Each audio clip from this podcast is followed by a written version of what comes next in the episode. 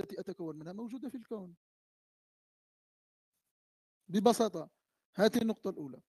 هل كل خلق هل كل خلق يستلزم مريدا مختارا؟ طبعا لا وهذا ما تكلمنا عنه سابقا. نحن نرى أن هناك إرادة ولكن بالمعنى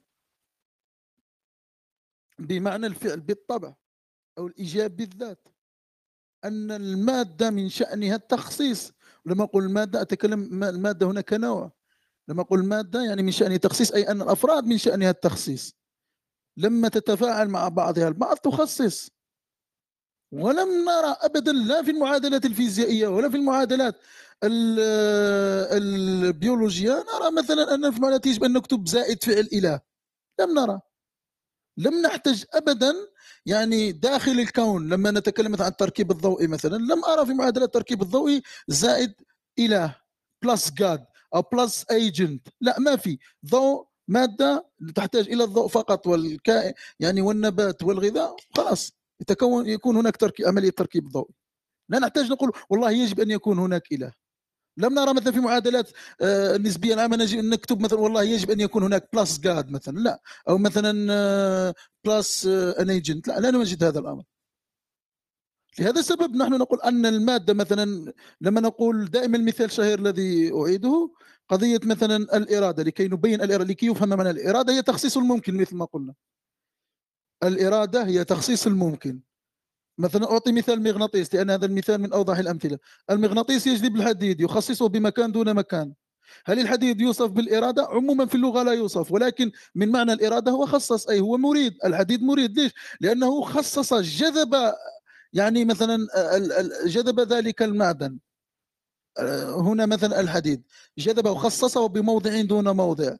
هل هنا الإرادة بمعنى ما يسمى يعني إرادة إرادة إرادة المختار؟ لا ليس هناك اختيار لأن ليس من شأنها الترك. ليس من شأنها الترك. هناك يعني هي في اتجاه واحد فقط. أنا الآن مثلا لما أرفع أرفع حديدة مثلا أرفعها يعني نحو أرفعها يعني في كل المتضادات. يعني شمال جنوب فوق تحت أخذها في كل الاتجاهات. الحديد لا. لهذا السبب نحن نسميه في الفلسفة الفعل بالطبع أو الإيجاب بالذات. وهي نوع من الإرادة. إذا نحن لا نقول بأن لأن لأن الصيرورة لأن المادة كأن المادة لما تخصص بعضها البعض هذا نسميه آه، تخصص بعضها البعض هذا نسميه إرادة. ولكن هذا من حيث المعنى لأنه عموما لا يستعمل هذا اللفظ يعني لم نألف. ولهذا السبب نحن نقول هو إيجاب بالذات فعل بالطبع. أما قضية القدرة طبعا الطاقة لها قدرة. والقوى مثلا القوة قوة الجاذبية لها قدرة. أصلا يعني لا معنى للطاقة بدون بدون قدرة. فمثلا لما يكون هناك مثلا جذب جذب المغناطيس. هي عبارة عن قدرة أي أن الحديد قادر أو أن المغناطيس قادر على جذب المغناطيس اذا هناك قدرة. نحن نختلف معكم في في فيما تقولون. أنتم أنه يعلم. نحن لا نرى أنه يعلم لأنه قد يقال أنتم تؤلهون نحن لا نؤله أنتم تقولون عن إلهكم أنه مريد بالاختيار ونحن لا نقول عن عن المادة أنها مريدة بالاختيار بل الفعل بالطبع. من خصائص ما يكون لدينا ماء مثلا ذرتين ذرة أكسجين ذرتين هيدروجين يكون عندنا ماء. يكون عندنا شمس مثلا ويكون عندنا ما يعني مواد عضوية يتكون مثلا سكر الغلوكوز هكذا مثلا حسب معادلة تركيب ضوئي وهكذا. المسألة التي تليها قضية اي قلت أنتم نحن آه ثانية ثانية لم آه خليني قبل العدل قبل على موضوع العدل آه ثانية ثانية قبل العدل أنا أريد أن أفصل في هذه المسألة لأن يجب أن المسألة أن تتضح للغير. إذا لما نحن نقول مثلا آه، نقول أن المادة عالمة ليست عالمة. أنتم تقولون الإله أنه عالم. لا يوجد شخص يقول أنا إله لا يتصف بالعلم أصلا. لهذا السبب لا تقولون أننا نؤله لا يوجد يعني نحن لا نقول بأن المادة مريدة بمعنى الإرادة بالاختيار بل نحن نسميه يعني الفعل بالطبع. الفعل بالطبع. بمعنى أن الفعل بالطبع أو إيجاب بالذات هذه النقطة التي تلي نحن نقول أن المادة حكيمة نحن لا نقول مثلا أن المادة آه لا أعلم يعني غنية. هذه كل يعني لا نصفها بأي شيء من أوصاف آه، الإله. ولكن افهموا ألفاظنا مثل ما نحن نفهم ألفاظكم. حاولوا أن تفهمونا. يعني تظن أن الملحد يقول لك أنا جيت مثلا بوف هكذا وجود كل الناس تعلم أنها لم تكن موجودة ثم صارت موجودة. يعني الخلق هنا بماذا؟ يعني تغير يعني الخلق أي خلق الصورة فقط. المادة موجودة المكون موجود الصورة هي التي تغيرت. كنت مثلا عبارة عن تراب وغذاء مثلا وبعد ذلك اجتمعت البويضة بالحيوان المنوي وتكون الجنين يعني معروفة يعني بال يعني بالمراحل المعروفة ثم صار إنسانا. لا يوجد شخص أنه يقول لك أنا مثلا غير مخلوق. ولكن نحن نرفض أن نكون مخلوقين بالمعنى الذي تقولون أننا يعني خلقنا بمعنى البرأ وبفعل فاعل مثلا عالم حكيم مريد وهكذا. نحن أصلا لا نعتقد بأن ذات الذات التي تؤمنون بها يمكن أن تكون موجودة لأننا نعتقد أنها أصلا متناقضة. ولا أريد أن أتكلم في تناقضات انه ليس الموضع. أه، سؤالي للأخ بالنسبة للعدل لكي أنهي. أه، يعني أه، من أين أتيت أنه لا يطلق عن العدل؟ عدلا إلا بعد تحقق الحسن. مش فاهم يعني. العدل يعني حسن أصلا كمفهوم لا يستحضر إلا الحسن. من الناحية المنطقية أصلا العدل لأن الحكم لاحق للمحكوم عليه منطقيا يعني هناك سبق سبق منطقي أن الحكم مثلا ما أقول أحكم عن العدل منطقيا أن العدل يتصور وبعد ذلك يحكم عليه لو قلنا تكلمنا فلسفيا أن التصور سابق للحكم أو أن التصور سابق للنسبة لو تكلمنا من ناحية المنطقية فلا يمكن أن نصدر حكما إلا بعد تصور ماذا؟ تصور المسألة إن لم تنقدح الصورة في الذهن فلا يمكن أن نعطي آه، حكما. ولهذا السبب فالعدل سابق للحسن لأنه يوصف بالحسن بعد تصوره. ولكن العدل مشروط بالحسن. لا يمكن أن يتحقق العدل بدون ما مش لا لا لا لا, لا مش قضية أن العدل مشروط للحسن لا العكس. يعني ليس هكذا بل العكس.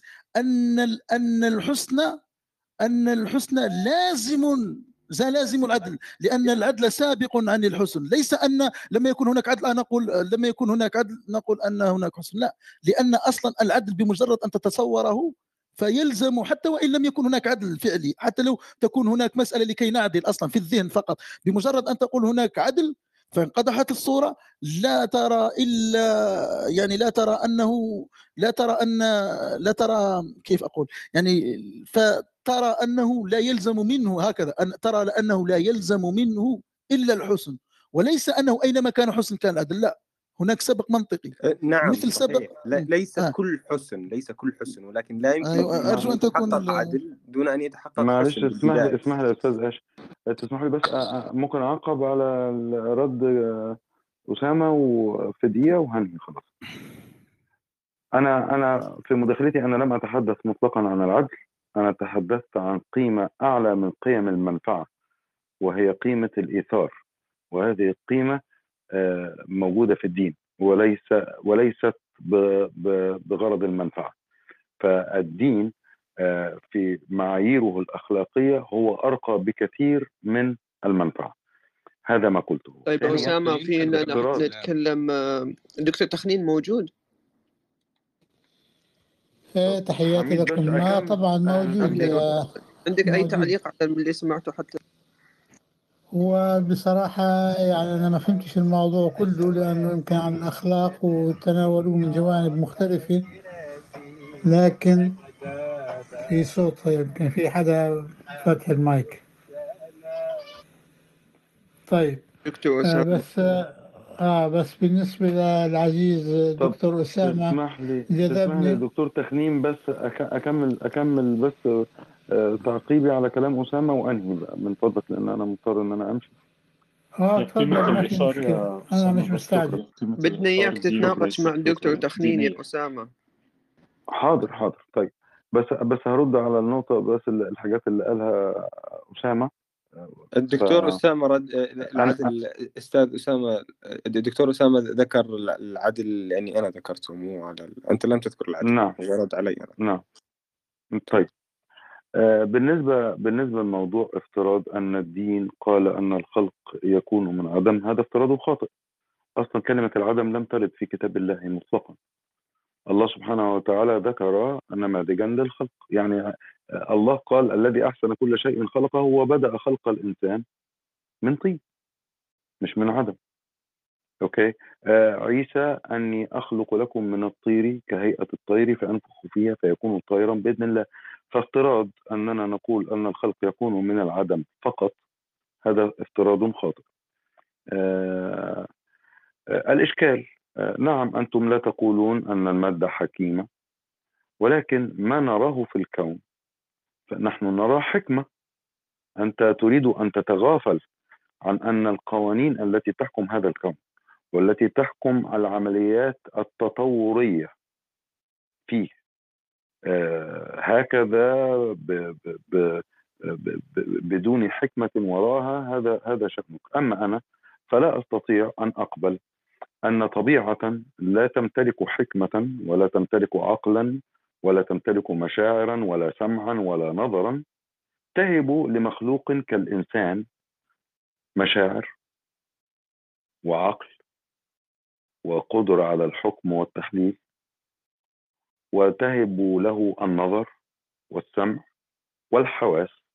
إن كانت هذه الطبيعة لا تحس فالحواس هي من أمر الله كي تكون وسائل للإدراك. فكيف لشيء لا يتمتع بالإدراك أن يهب الإدراك؟ هذا سؤال يحتاج إلى إجابة. كانت هذه هي تعقيبي على مداخلة شكرا شكرا, شكرا. نأخذ الدكتور فيان عندك مداخلة الدكتور فيان بعدين نروح الدكتور أسامة أو الدكتور تخنين. آه، فيان دكتورة فيان آه، مساء الخير مساء الورد. عليك صديقي حميد وعلى البقية أيضا نورتينا نورتينا. أصدقائي وأحبتي طبعا. يعني أنا شخصيا يعني لأنه أنا طبعا ملحدة وما أعترف بأي إله. فبالتالي طبعا يعني الدكتور أسامة ذكر فشي جدا مهم. هذه الذات الإلهية اللي هي خلقت بين قوسين الإنسان. طبعا خلينا نجي على الأسماء الحسنى اللي هي طبعا ال 99 وشوف يعني التناقض اللي موجود بيها. مثلا المذل.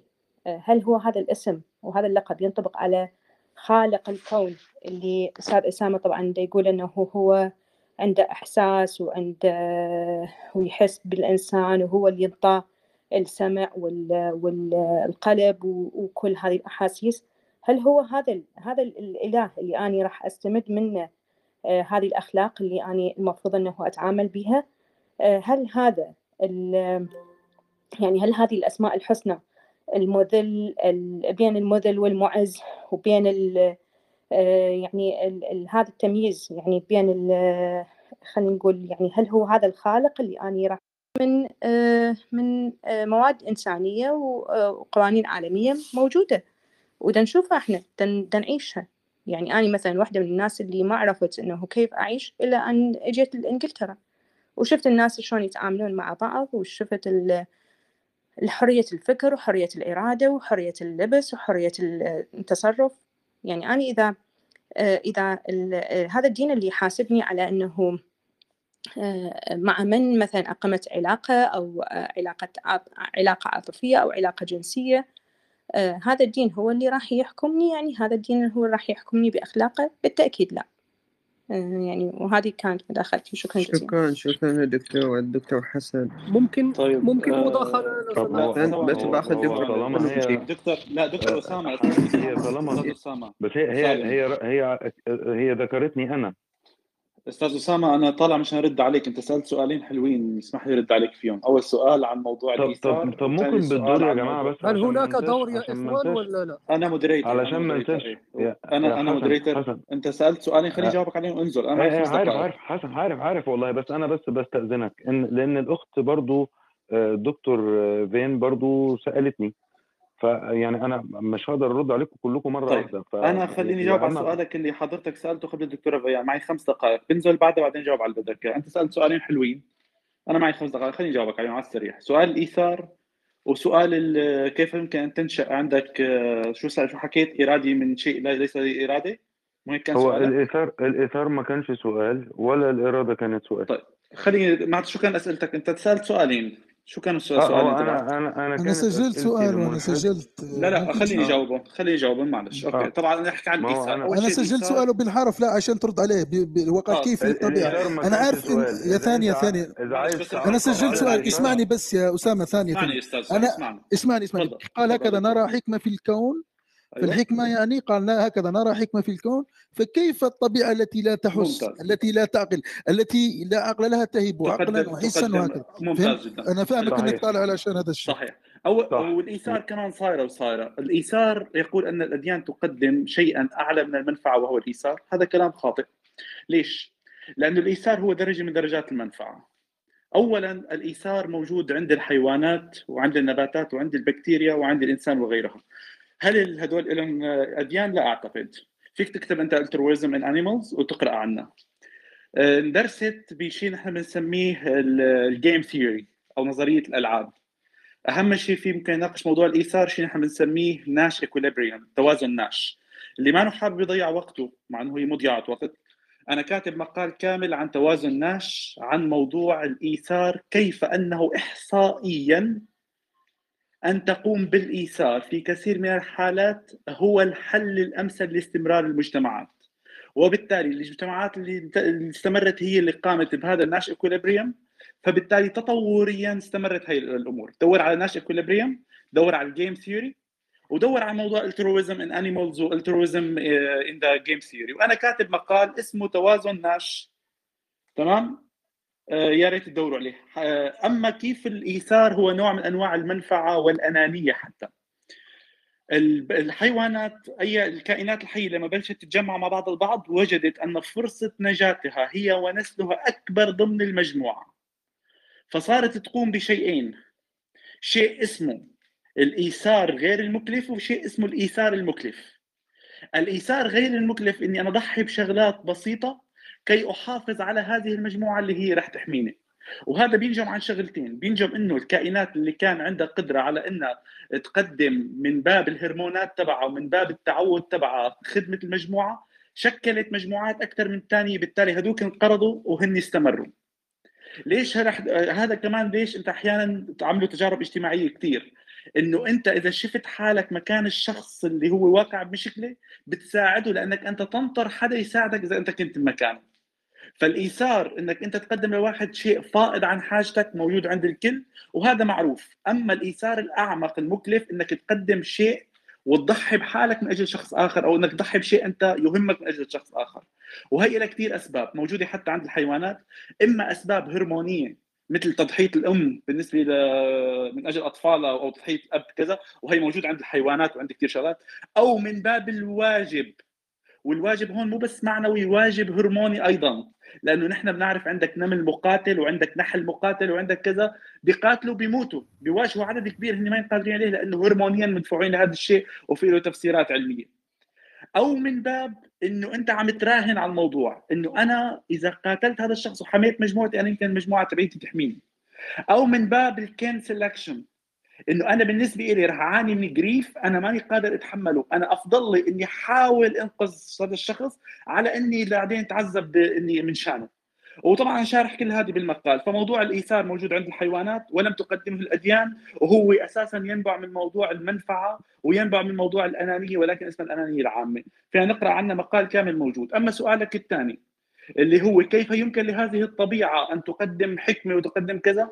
كمان في موضوع أنا عامل room عنه ساعتين وكاتب عنه مقالات واللي هو اسمه ال emergence theory واللي إنه الكل عندما تجتمع الأجزاء مع بعضها البعض فإن الكل هو شيء أكبر من عدد أجزائه لأنه يتكون من عدد أجزائه وتفاعلها مع بعضها البعض ويكتسب صفات غير موجودة في الأجزاء ففاقد الشيء يعطيه إن اجتمع مع أشياء أخرى تفقده. وهذا الشيء بنشوفه بكل شيء بنشوفه بالرياضيات وبنشوفه بالفيزياء وبنشوفه بالكيمياء وبنشوفه بالأحياء. مثال على هذا الشيء أجزاء الطيارة إذا نحكي ميكانيكيا أجزاء الطيارة لا يمكن أن تتحرك لا يمكن أن تطير لا يمكن كذا. عندما تجتمع مع بعض البعض وبتشكل عندك دارات كهرباء وماء ووقود وكذا وهوائية بتصير تعطيك الطائرة اللي هي مكونة من أكثر من مجموعة أجزائها. يعني إذا أنت بتحط مجموعة أجزاء جنب بعضها هو لا يشكل طياره ولكن مجموعة الاجزاء مع تفاعلهم بيعطيك الطياره اللي عندها قدرة على الطيران عندها قدرة على الإضاءة عندها قدرة كثير. الذرتين الهيدروجين وذره الأكسجين. كل وحدة منهم هي غاز وهي متفجرة. ولكن لما بتجمعهم مع بعض البعض بيعطوك صفات لم تكن موجودة فيها مثل الماء مثل قدرته على الإطفاء. عندك ال A اللي هو ال A يعني هو الصوديوم هو حارق. وعندك السي ال كمان مسمم. اجمعهم مع بعض بيعطوك ال NaCl اللي هو الصلب وهو ملح الطعام. وعندك كثير من هي الأمور. اذا أشياء مثل العقل والوعي والحياة هي إحنا بنسميها emergent properties أو أو خصائص منبثقة بسبب اجتماع أمور ثانية، هل هذا الشيء موجود؟ طبعا.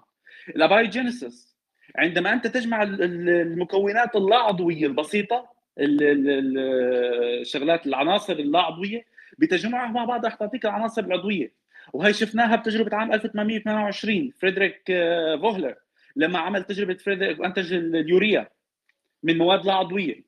وعندما تجمع المواد العضوية البسيطة مع المواد اللا عضوية البسيطة بتعطيك مواد عضوية كبيرة بنائية. شفناها بتجربة يوري ميلر عام 1952 1950 52 وبعدين شفنا بالشهر الماضي من جامعة آه، هيروشيما لما حكوا عن شيء نحن بنسميه droplet world إنه لما تجمع المكونات مع بعضها تعطيك خصائص قدرة الحفاظ على نفسها ضمن ال environment الخارجي. وموضوع الريبرودكشن فكل هدول الشغلات هي خصائص منبثقة يا استاذي العزيز ويمكن لفاقد الشيء أن يعطيه وفيني أعطيك من هلأ لبكره أمثلة عن الموضوع. أعطيك مثال. الفرد أنت أنت عندك شيء اسمه المجتمع أو الدولة. هذا هو عبارة عن منظومة أكثر من عدد أفرادها ولكن مكونة من عدد أفرادها وتمتلك شغلات لا تمتلكها الأفراد تبعها فيني أعطيك من هلأ. فيك تقرأ عن اذا حابين في أنا كاتب مقال عن الجيشتالتية. الجيشتالتية أو جيشتالت هو عبارة عن ال emergent theory ضمن الفن وعلم النفس وكاتب عن ال emergent theory كمان. هذول بيجاوبوك على سؤالك أستاذ ويعطيك ألف عافية.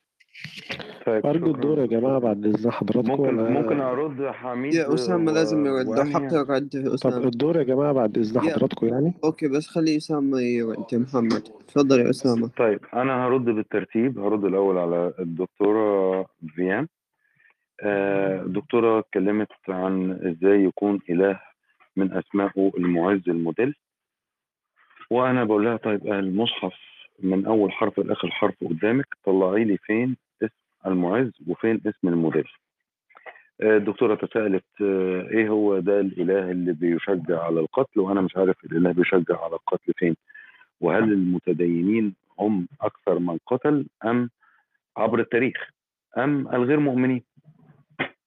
يعني لما لما لما نشوف المجازر اللي عملها غير المؤمنين آه، مقارنة بالمجازر اللي عملها المؤمنين آه، ون- ونشوف آه، عدد ضحايا مين أكتر. نقدر ساعتها نعرف هل الأديان فعلا بتهذب السلوك البشري ولا لأ.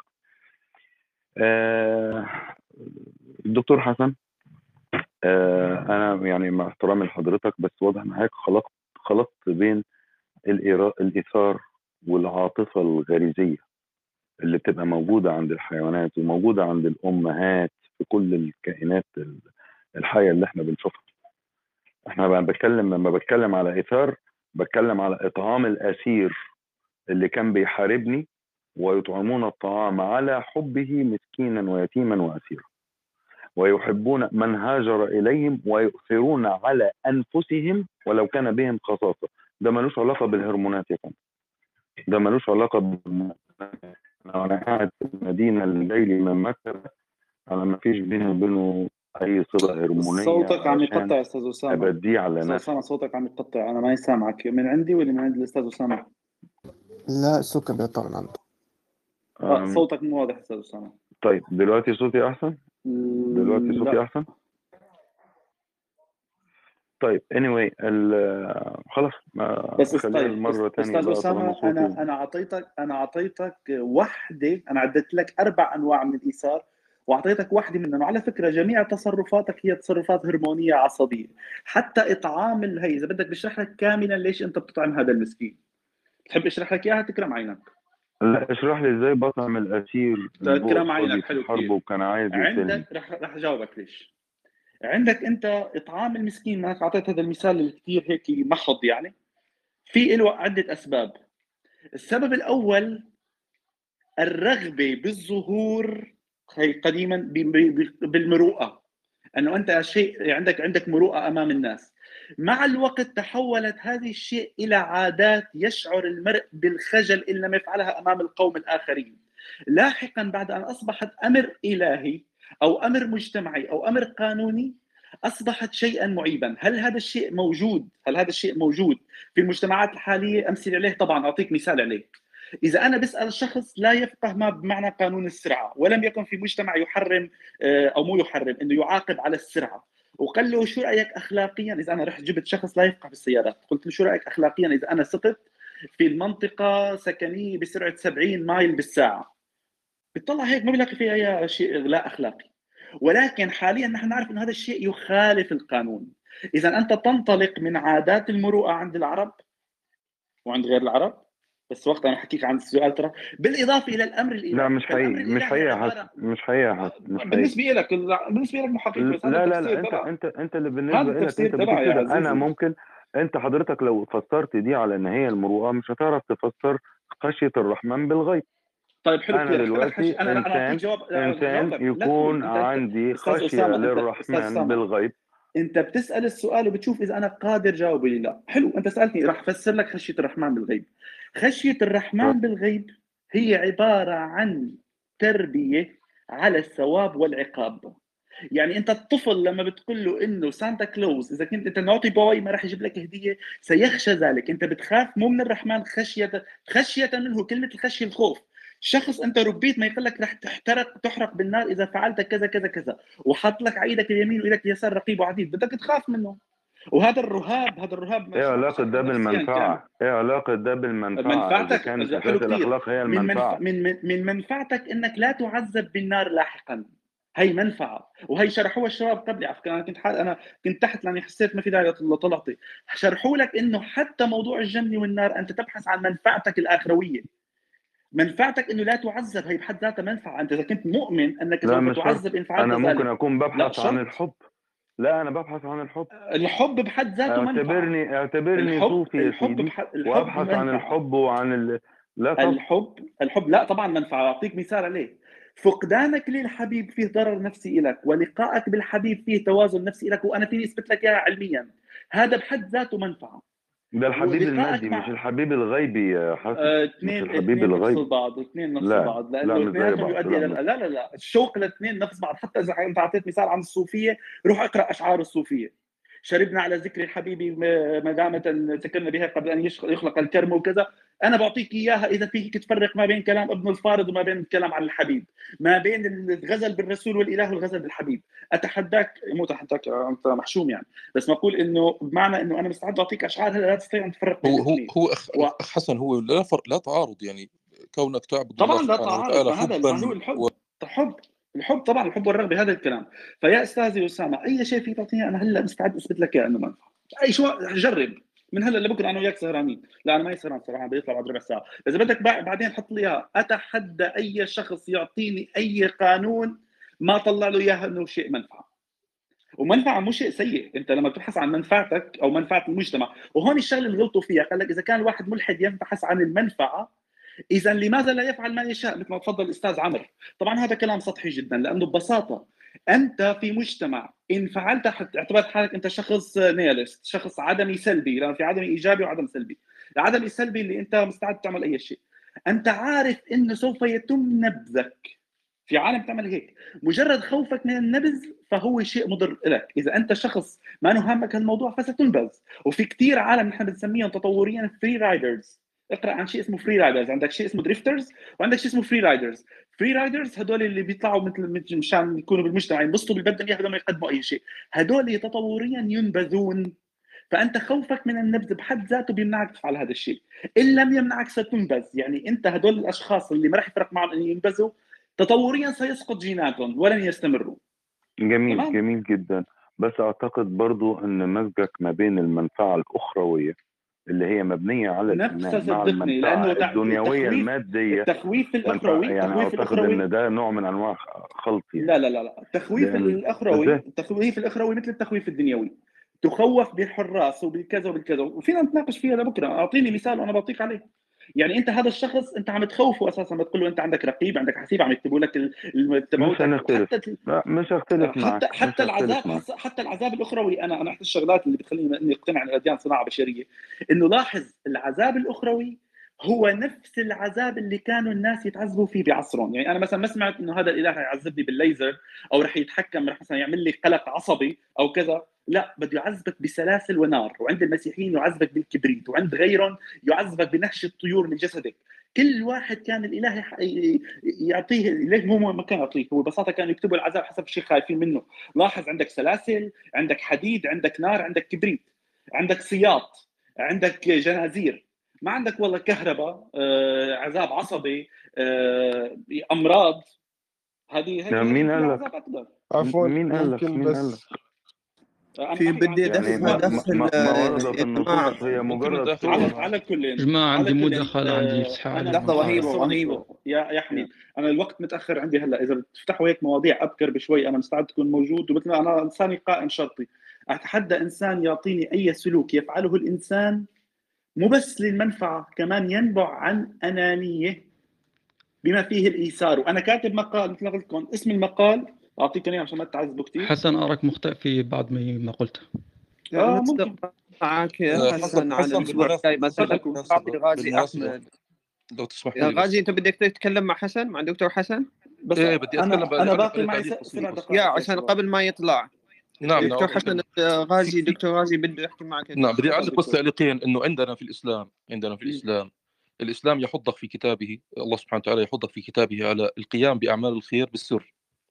جميل. تبدوا الصدقات فنعم هي وأن تخفوها. بالسر بالسر بس فهو خير مقابل لكم فاذا فإذا موضوع إنه الإنسان بحب يعمل الاعمال الخير مشان الناس تشوفوا هذا أصلا ضد مقصد الشارع نفسه. لا لا لا أنا وإذا بده يعملوا بس أكمل لك ح- حسن تفضل تفضل تفضل أه، وإذا حابب إنك تعمله بالعلن بده لازم يكون عندك في عندك في مصلحة شرعية مشان تعمل هذا الخير في العلن مثل إنه تشجع غيرك أو ما إلى ذلك. وإلا هذا الأمر. يعتبر الأمر الثاني بالنسبة للمنفعه أنا خليني بالمناسبه خليني رد على النقطة أستاذي دكتور غازي معلش.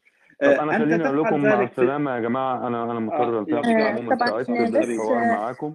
بس ردت أرد على أستاذ أسامة لأنه اتهمني أنه أنا ما قريت طيب فيني رد بس على الدكتور غازي دكتورة بيان أنا عن آه، جد عم مضطر بس طب بس هذه الآية لأنه أتصور أنه أستاذ أسامة يحتاج أنه يقرأ القرآن مرة ثانية. آه، في آه، آية بالقرآن آه، تقول آه، قل اللهم مالك الملك تؤتي الملك من تشاء وتنزع الملك ممن تشاء وتعز من تشاء وتذل من تشاء.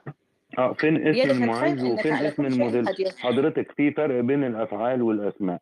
حضرتك قلتي الإله الذي تسمى باسم المعز واسم المذل وأنا بقول لك هاتي لي كلمة المعز في المصحف كله مش هتلاقيها. كلمة وتذل المذل من تشاء المسلمين وتذل بناء على الآية دي يا أستاذ أسامة. المسلمين بناء على الآية دي حطوا الأسمين دول في أسماء الحسنى. بناء على. الاسماء ال- الأسماء الحسنى اللي موجودة ديت تعرضت للنقد أكتر من مرة أيوة والأسماء يبقى البشر راجع راجع المسلمين اللي استندوا للآية دي لما حطوا لا لا مش كل المسلمين يا لورد. آه، لا اسمي لا أسمي الإله بما أشتهي أن أسميه. أسامة عم أزود يراجع من المسلمين. عم يراجع مش واحد ازود أزود عم بقى يراجع من اسمائه المعذب. مع- إن عذابي لهو العذاب فسميه المعذب بقى. والله يستهزئ لا لما ربنا الله بيتكلم عن اسمائه يا يا مجدي أوكي؟ و- ال- والمستهزئ. ال- وأعمل الأستاذ بقى أسامة. والماكر. الأستاذ أسامة عم يراجع المسلمين بالموضوع وما يجيه مصايب أكثر منا نحن يعني. فالواحد حق يقال يعني. فأنا ما راح ألزمه بشيء هو هو لا يعترف فيه.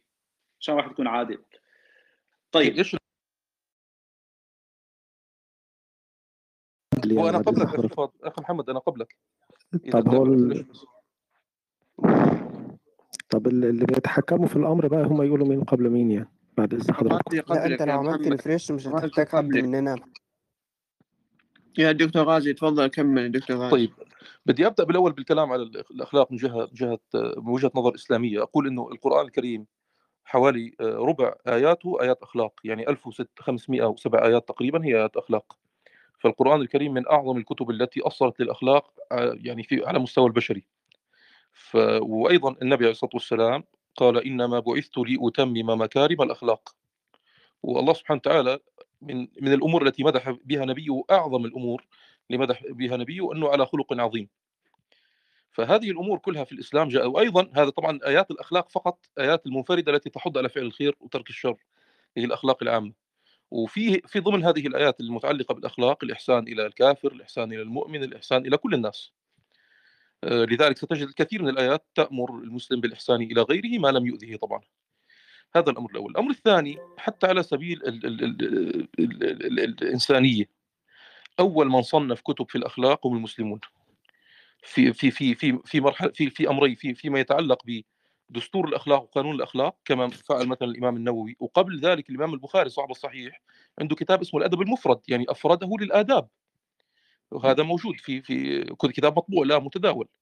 وكذلك ألفت كثير كتب كثيرة بالأخلاق. منها مثلا من أشهر الكتب الآن كتاب الإمام النووي مثلا رياض الصالحين. أغلب هذا الكتاب متعلق في الأخلاق وفضائل الأعمال. ف... وأيضا فيما يتعلق بتأصيل موضوع الأخلاق ابن خلدون طبعا في مقدمة آه، التاريخ. هو اصلها من جهة من وجهة نظر اجتماعية وهو طبعا تعرف إنه واضع أصلا علم الاجتماع. وأضيف إلى يضاف إلى ذلك أيضا آه، مثلا آه، ما ذكره الراغب الأصبهاني في عنده كتاب في تأصيل الأخلاق في أصول الأخلاق. صاحب كتاب الراغب الأصبهاني صاحب كتاب مفردات القرآن الكريم عنده تفسير اسمه مفردات القرآن الكريم.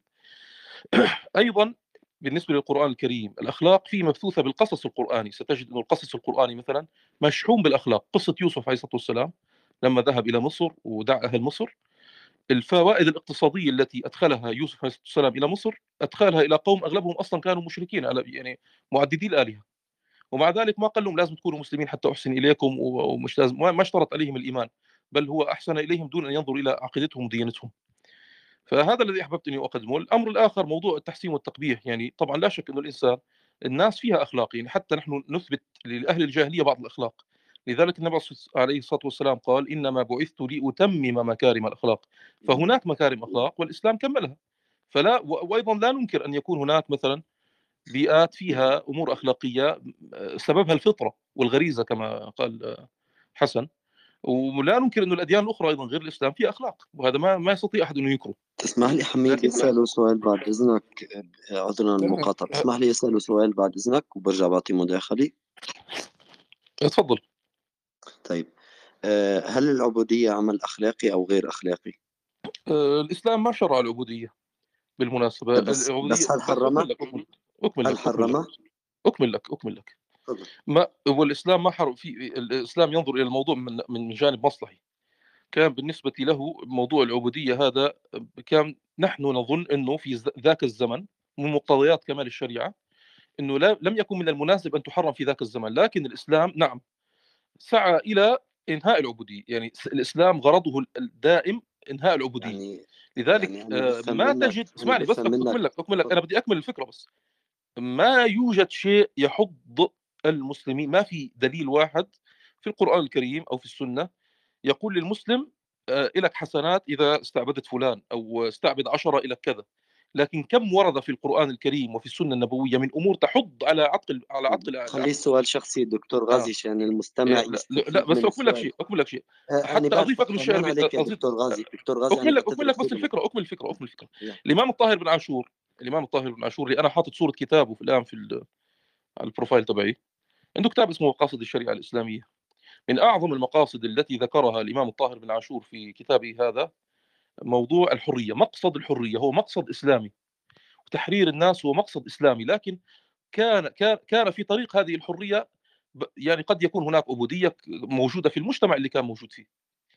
بل هناك أمور يعني الإسلام يتدرج فيها يعني ما يستطيع أن يأتي ينهيها في نفس الوقت. لكن هنا سؤالنا هل حض الإسلام على على على يعني إعتاق العبيد؟ نعم لا شك ما أحد يشكك في ذلك. فالموضوع كان متعلق بمصلحة في ذاك الزمن.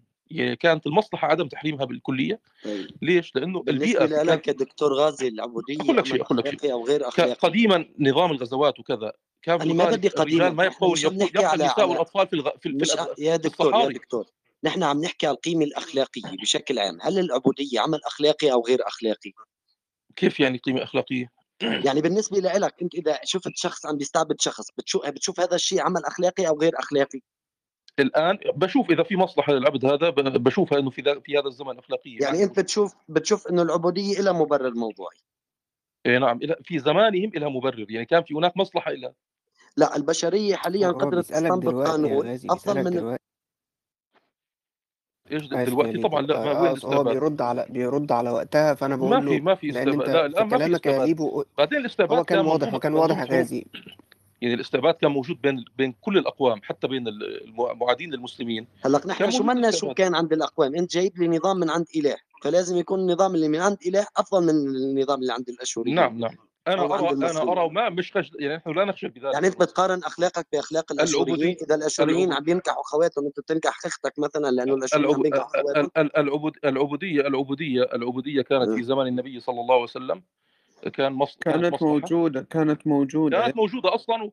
وكان في أنا مش هيك مبررات سؤالي يا حميد أنا أنا عندي تعقيب طويل موضوع الأخلاق بس أنا سؤالي واضح واضح يا دكتور إبراهيم. بغض النظر عن المبرر الموضوعي للمسلمين إنه كانت موجودة عند الحضارات السابقة، طيب ما أنتم بتقولوا إنه الفارسيين أو الأقوام السابقة كانوا ينكحوا خواتهم والإسلام حرم الشيء، كانوا يأكلوا لحم خنزير والإسلام حرم الشيء، الإسلام نهى عن الخمر، طب ما هن كانوا يشربوا خمر، أنت بتقدر تقول والله كانوا يشربوا خمر نحن بنشرب خمر مثلهم، انت جايب لي نظام شمولي وكامل من عند إله، مفروض يكون ما في أي ثغرة، لما البشر قدرت تستنبط قانون أفضل من القانون اللي وضعه الله وهو تحريم العبودية.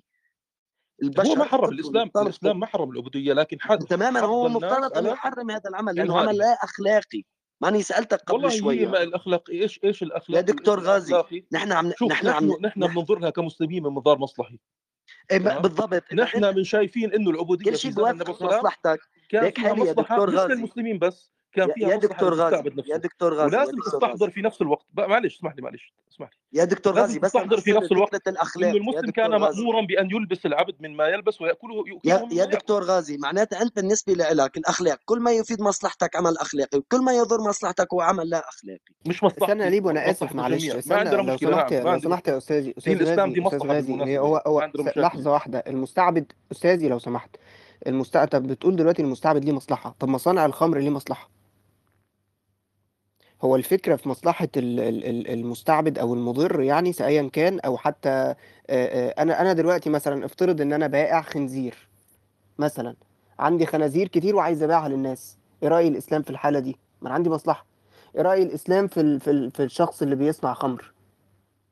تمام. الإسلام في المستعبد؟ تمام. عندنا في مقاصد الشريعه استأصلت المستعبد عشان تخدم عشان تخدم فكرة بس معينة ليها علاقة بيك. تمام تمام. ما عندي مشكلة. نعم نعم. أنا فعلا فعلا الاستعباد من أهداف الاستعباد آه، خلي الناس تشوف الإسلام وتدخل في الإسلام. لذلك أغلب من كان عبيدا دخلوا في الإسلام وصاروا هم أئمة الإسلام. يعني كثير من الأئمة الفقه والعلم وال... طيب من زمن الصحابة بالمناسبة كانوا كان أص- أصولهم عبيد.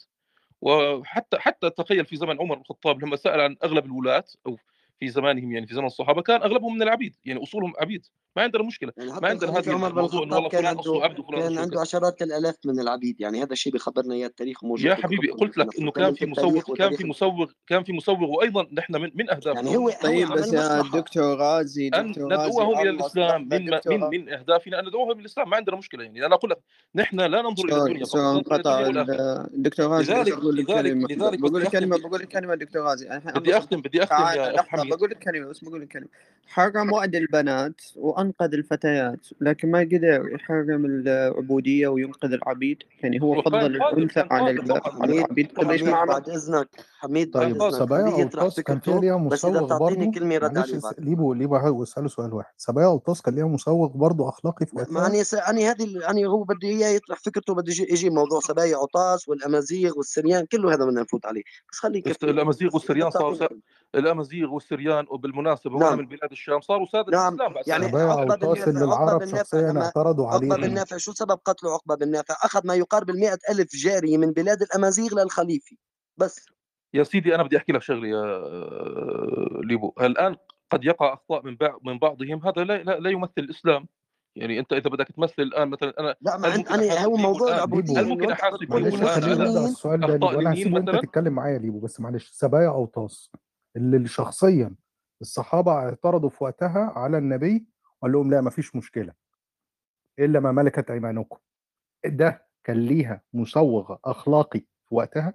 نعم نعم. كله له مسوغ أخلاقي مسوغ دنيوي واخروي كذلك هم بقى في في أخلاق العرب كانوا رافضين وجه النبي قال لهم تمام. أيوه نحن ما قول لي بقى أخلاق العرب كلها أنا أقول لك شيء الإسلام ما جاء ليقر العرب على كل أخلاقهم العرب كانت تأكل الخنزير وكانت يقتل بعضهم ممتاز. قول لي بقى على سبايا كان جاهلية إيه وتعصب للقبائل والعشائر وما إلى ذلك. الإسلام أنهى هذا يعني. صحيح. قول لي بقى على سبايا من بطأ اوطاس به آه. عمله لم يسرع به نسبه وقال لا فضل على عربي ولا أعجمي ولا أسود ولا أبيض إلا بالتقوى بالمناسبة العبيد العبيد مش شرط يكونوا سود يعني بعض الناس أنا ما قلتش عبيد أنا بتكلم على واقعة.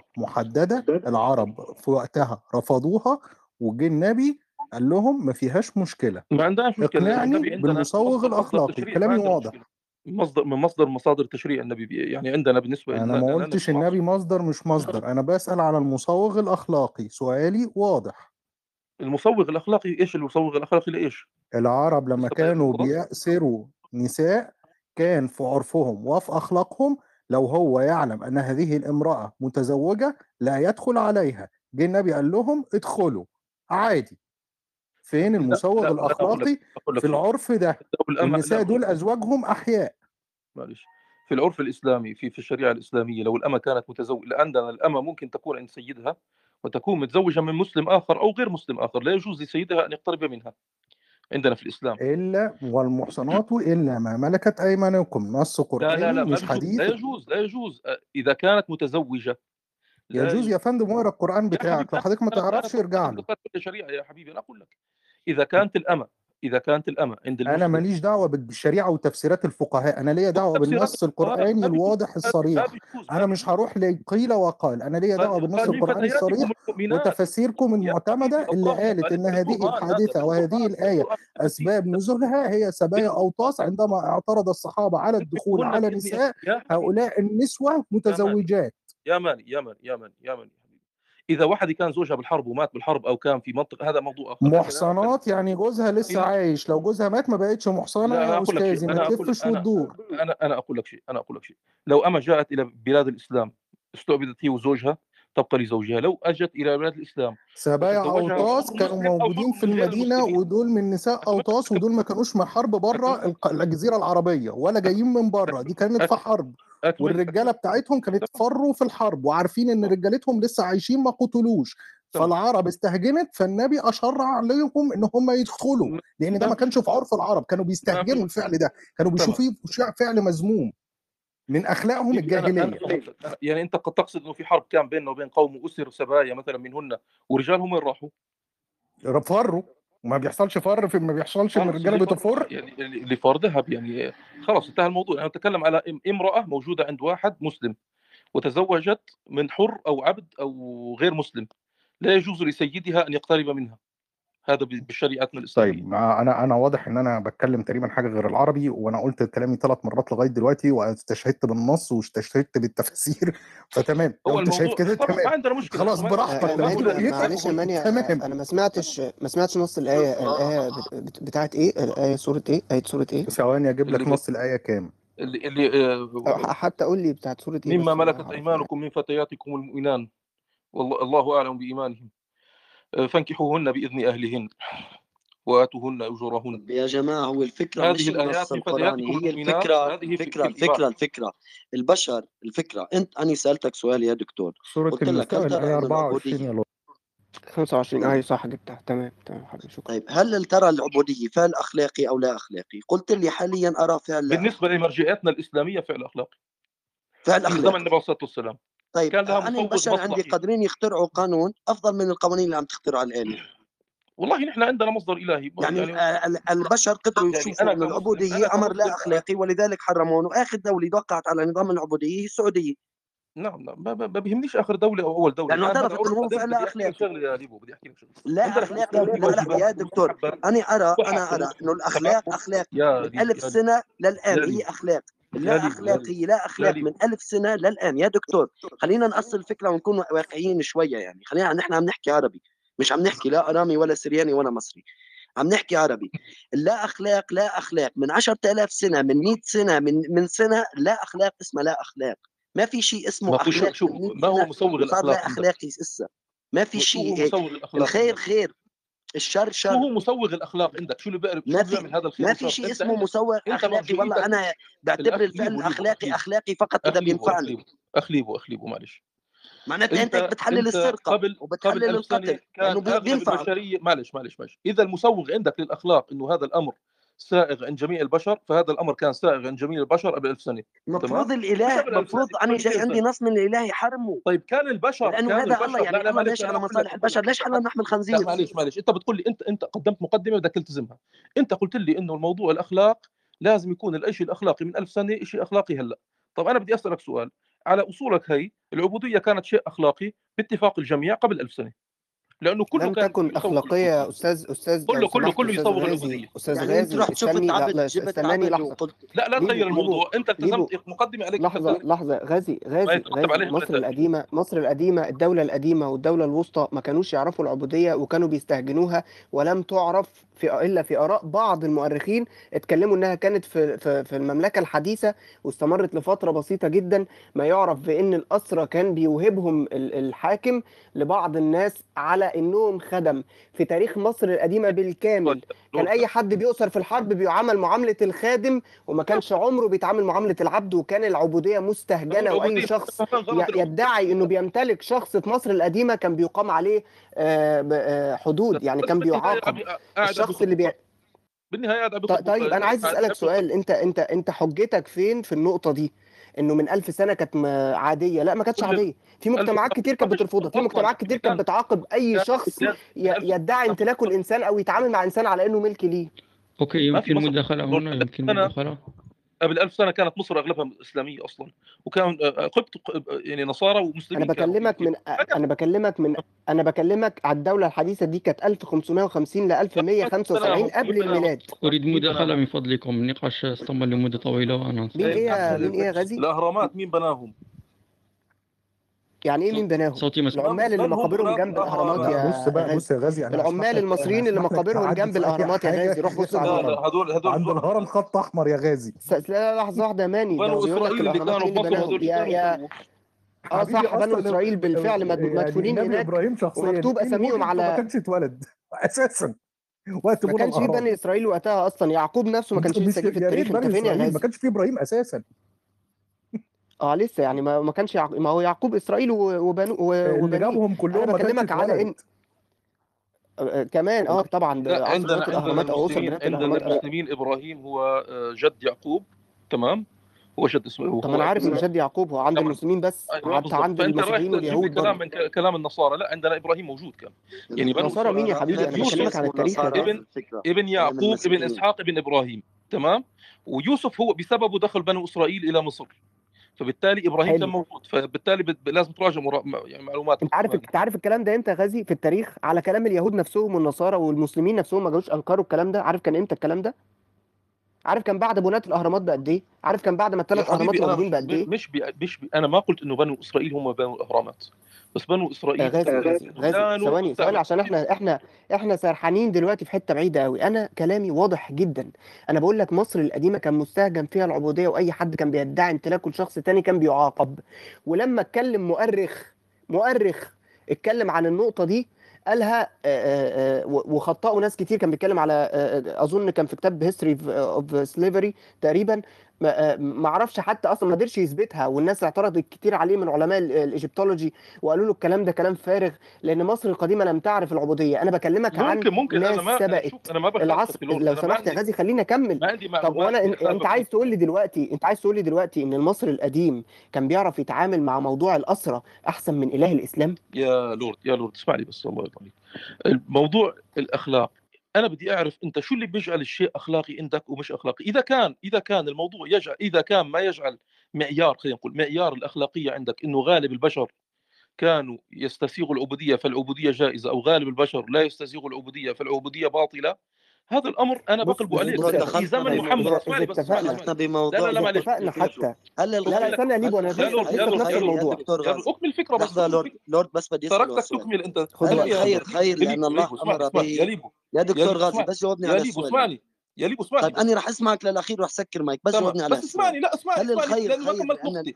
ما كملت نقطتي أنا ما كملت. طيب كفي نقطتك وجاوبني على هالسؤال تمام. كفي نقطتك تمام. أنا بدي أكمل النقطة بس بدي أكمل النقطة بس آه، ك... كل... رح خليك تكفيها بس جاوبني على هالسؤال ويعني لا ما بدي أجاوبك على السؤال لأني أبى أكمل نقطة وحتضيعني هيك. لا أنا بدي بدي لأنه هاي مسألة مهمة. طيب يلا تمام؟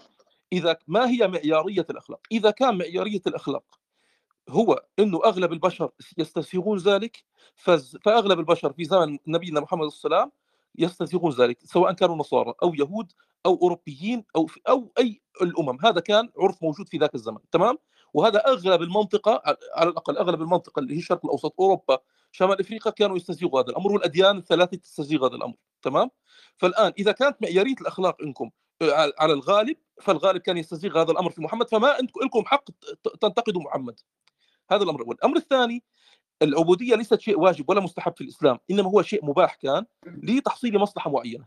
طيب مصلحة كان أوكي دكتور غازي ننقذهم من الموت لأنه كان كان بس اكمل لك بس إنه كان بس كان كان يقتل الرجال يبقى النساء في الصحاري فيأتون بهم ويعلموه الإسلام بعدين بيدخلوا الإسلام وهم نفسهم بينشروا الإسلام. يعني أبناء ما العبيد هم اللي نشروا الإسلام. اقرأ أسماء علماء المسلمين أغلب علماء المسلمين والحديث كان أصلا عبود عب- عبيد أصولهم. أبائهم وأجدادهم كانوا عبيد. طب ليش دخلوا في الإسلام؟ ممكن واحد يسأل هذا السؤال؟ وما كنا نجبر أحد أن يدخل في الإسلام بالمناسبة. ليش دخل- طيب دخلوا في الإسلام؟ okay. للأخلاق طيب التي رأونها من غالب المسلمين. ما قلنا كل المسلمين لا في ظلم. أحيانا قد يقع الظلم من فلان وفلان ويخالفوا الشريعة أنا معك. ومن بعض طيب القاده يا يقع دكتور. الظلم. أنا ما عندي مشكلة. يعني دكتور بس لأنه طولنا على الناس كثير. خلي حنرجع للنقطة هذه نحملها على ال pause ونرجع لها لأنه طيب ما سكرنا ممكن لسه. ممكن اللي وهيبو يا يا حنعطيكم حنرجع لكم يا ليبو. أنا لسه أنا صمم القصة هذه لسه ما انتهت بس خلينا ناخذ النزعة على شوي. ويه- وهيبو؟ أوكي. الحقيقة كنت راح نتدخل من كان أسامة هنايا كنت باغي نتناقش معه في هذا الأمر لكن آه، لم يعودون لكن بالنسبة للمحادثة التي كانت تجري الآن بالنسبة للدين بصفة عامة ليس دائما لكن بصفة عامة القيمة عندما كان يتحدث غازي أحمد عن القيمة يعني القيمة الأخلاقية عنده هي في أوامر الإله يعني مثلا لو قال لا أتكلم هنا عن أحمد أتكلم عن المتدينين بصفة عامة. يعني لو قال إله أو لو أثبتنا أن الإله أمر بقتل جميع البشر هذا سيصبح منظور أخلاقي. وهنا احتراز لا دينيين بصفة عامة سوف يكون يعني ليس في الحكم يعني في حكم قتل جميع البشر وإنما في القيمة الأخلاقية. يعني القيمة الأخلاقية عند اللاديني هي ليست اتباع أوامر الإله وإنما في سعادة وألم البشر.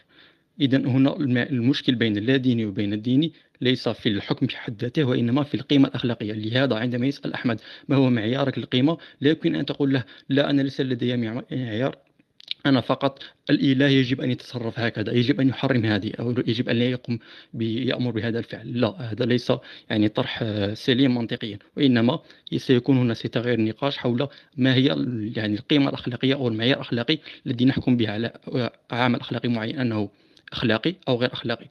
مسألة الأخلاق بصفة عامة هي عندما نتكلم عن السلوك يعني مسألة الأخلاقية متعلمة- متعلقة بالسلوكات نقول هل هذا السلوك صائب أو خطأ؟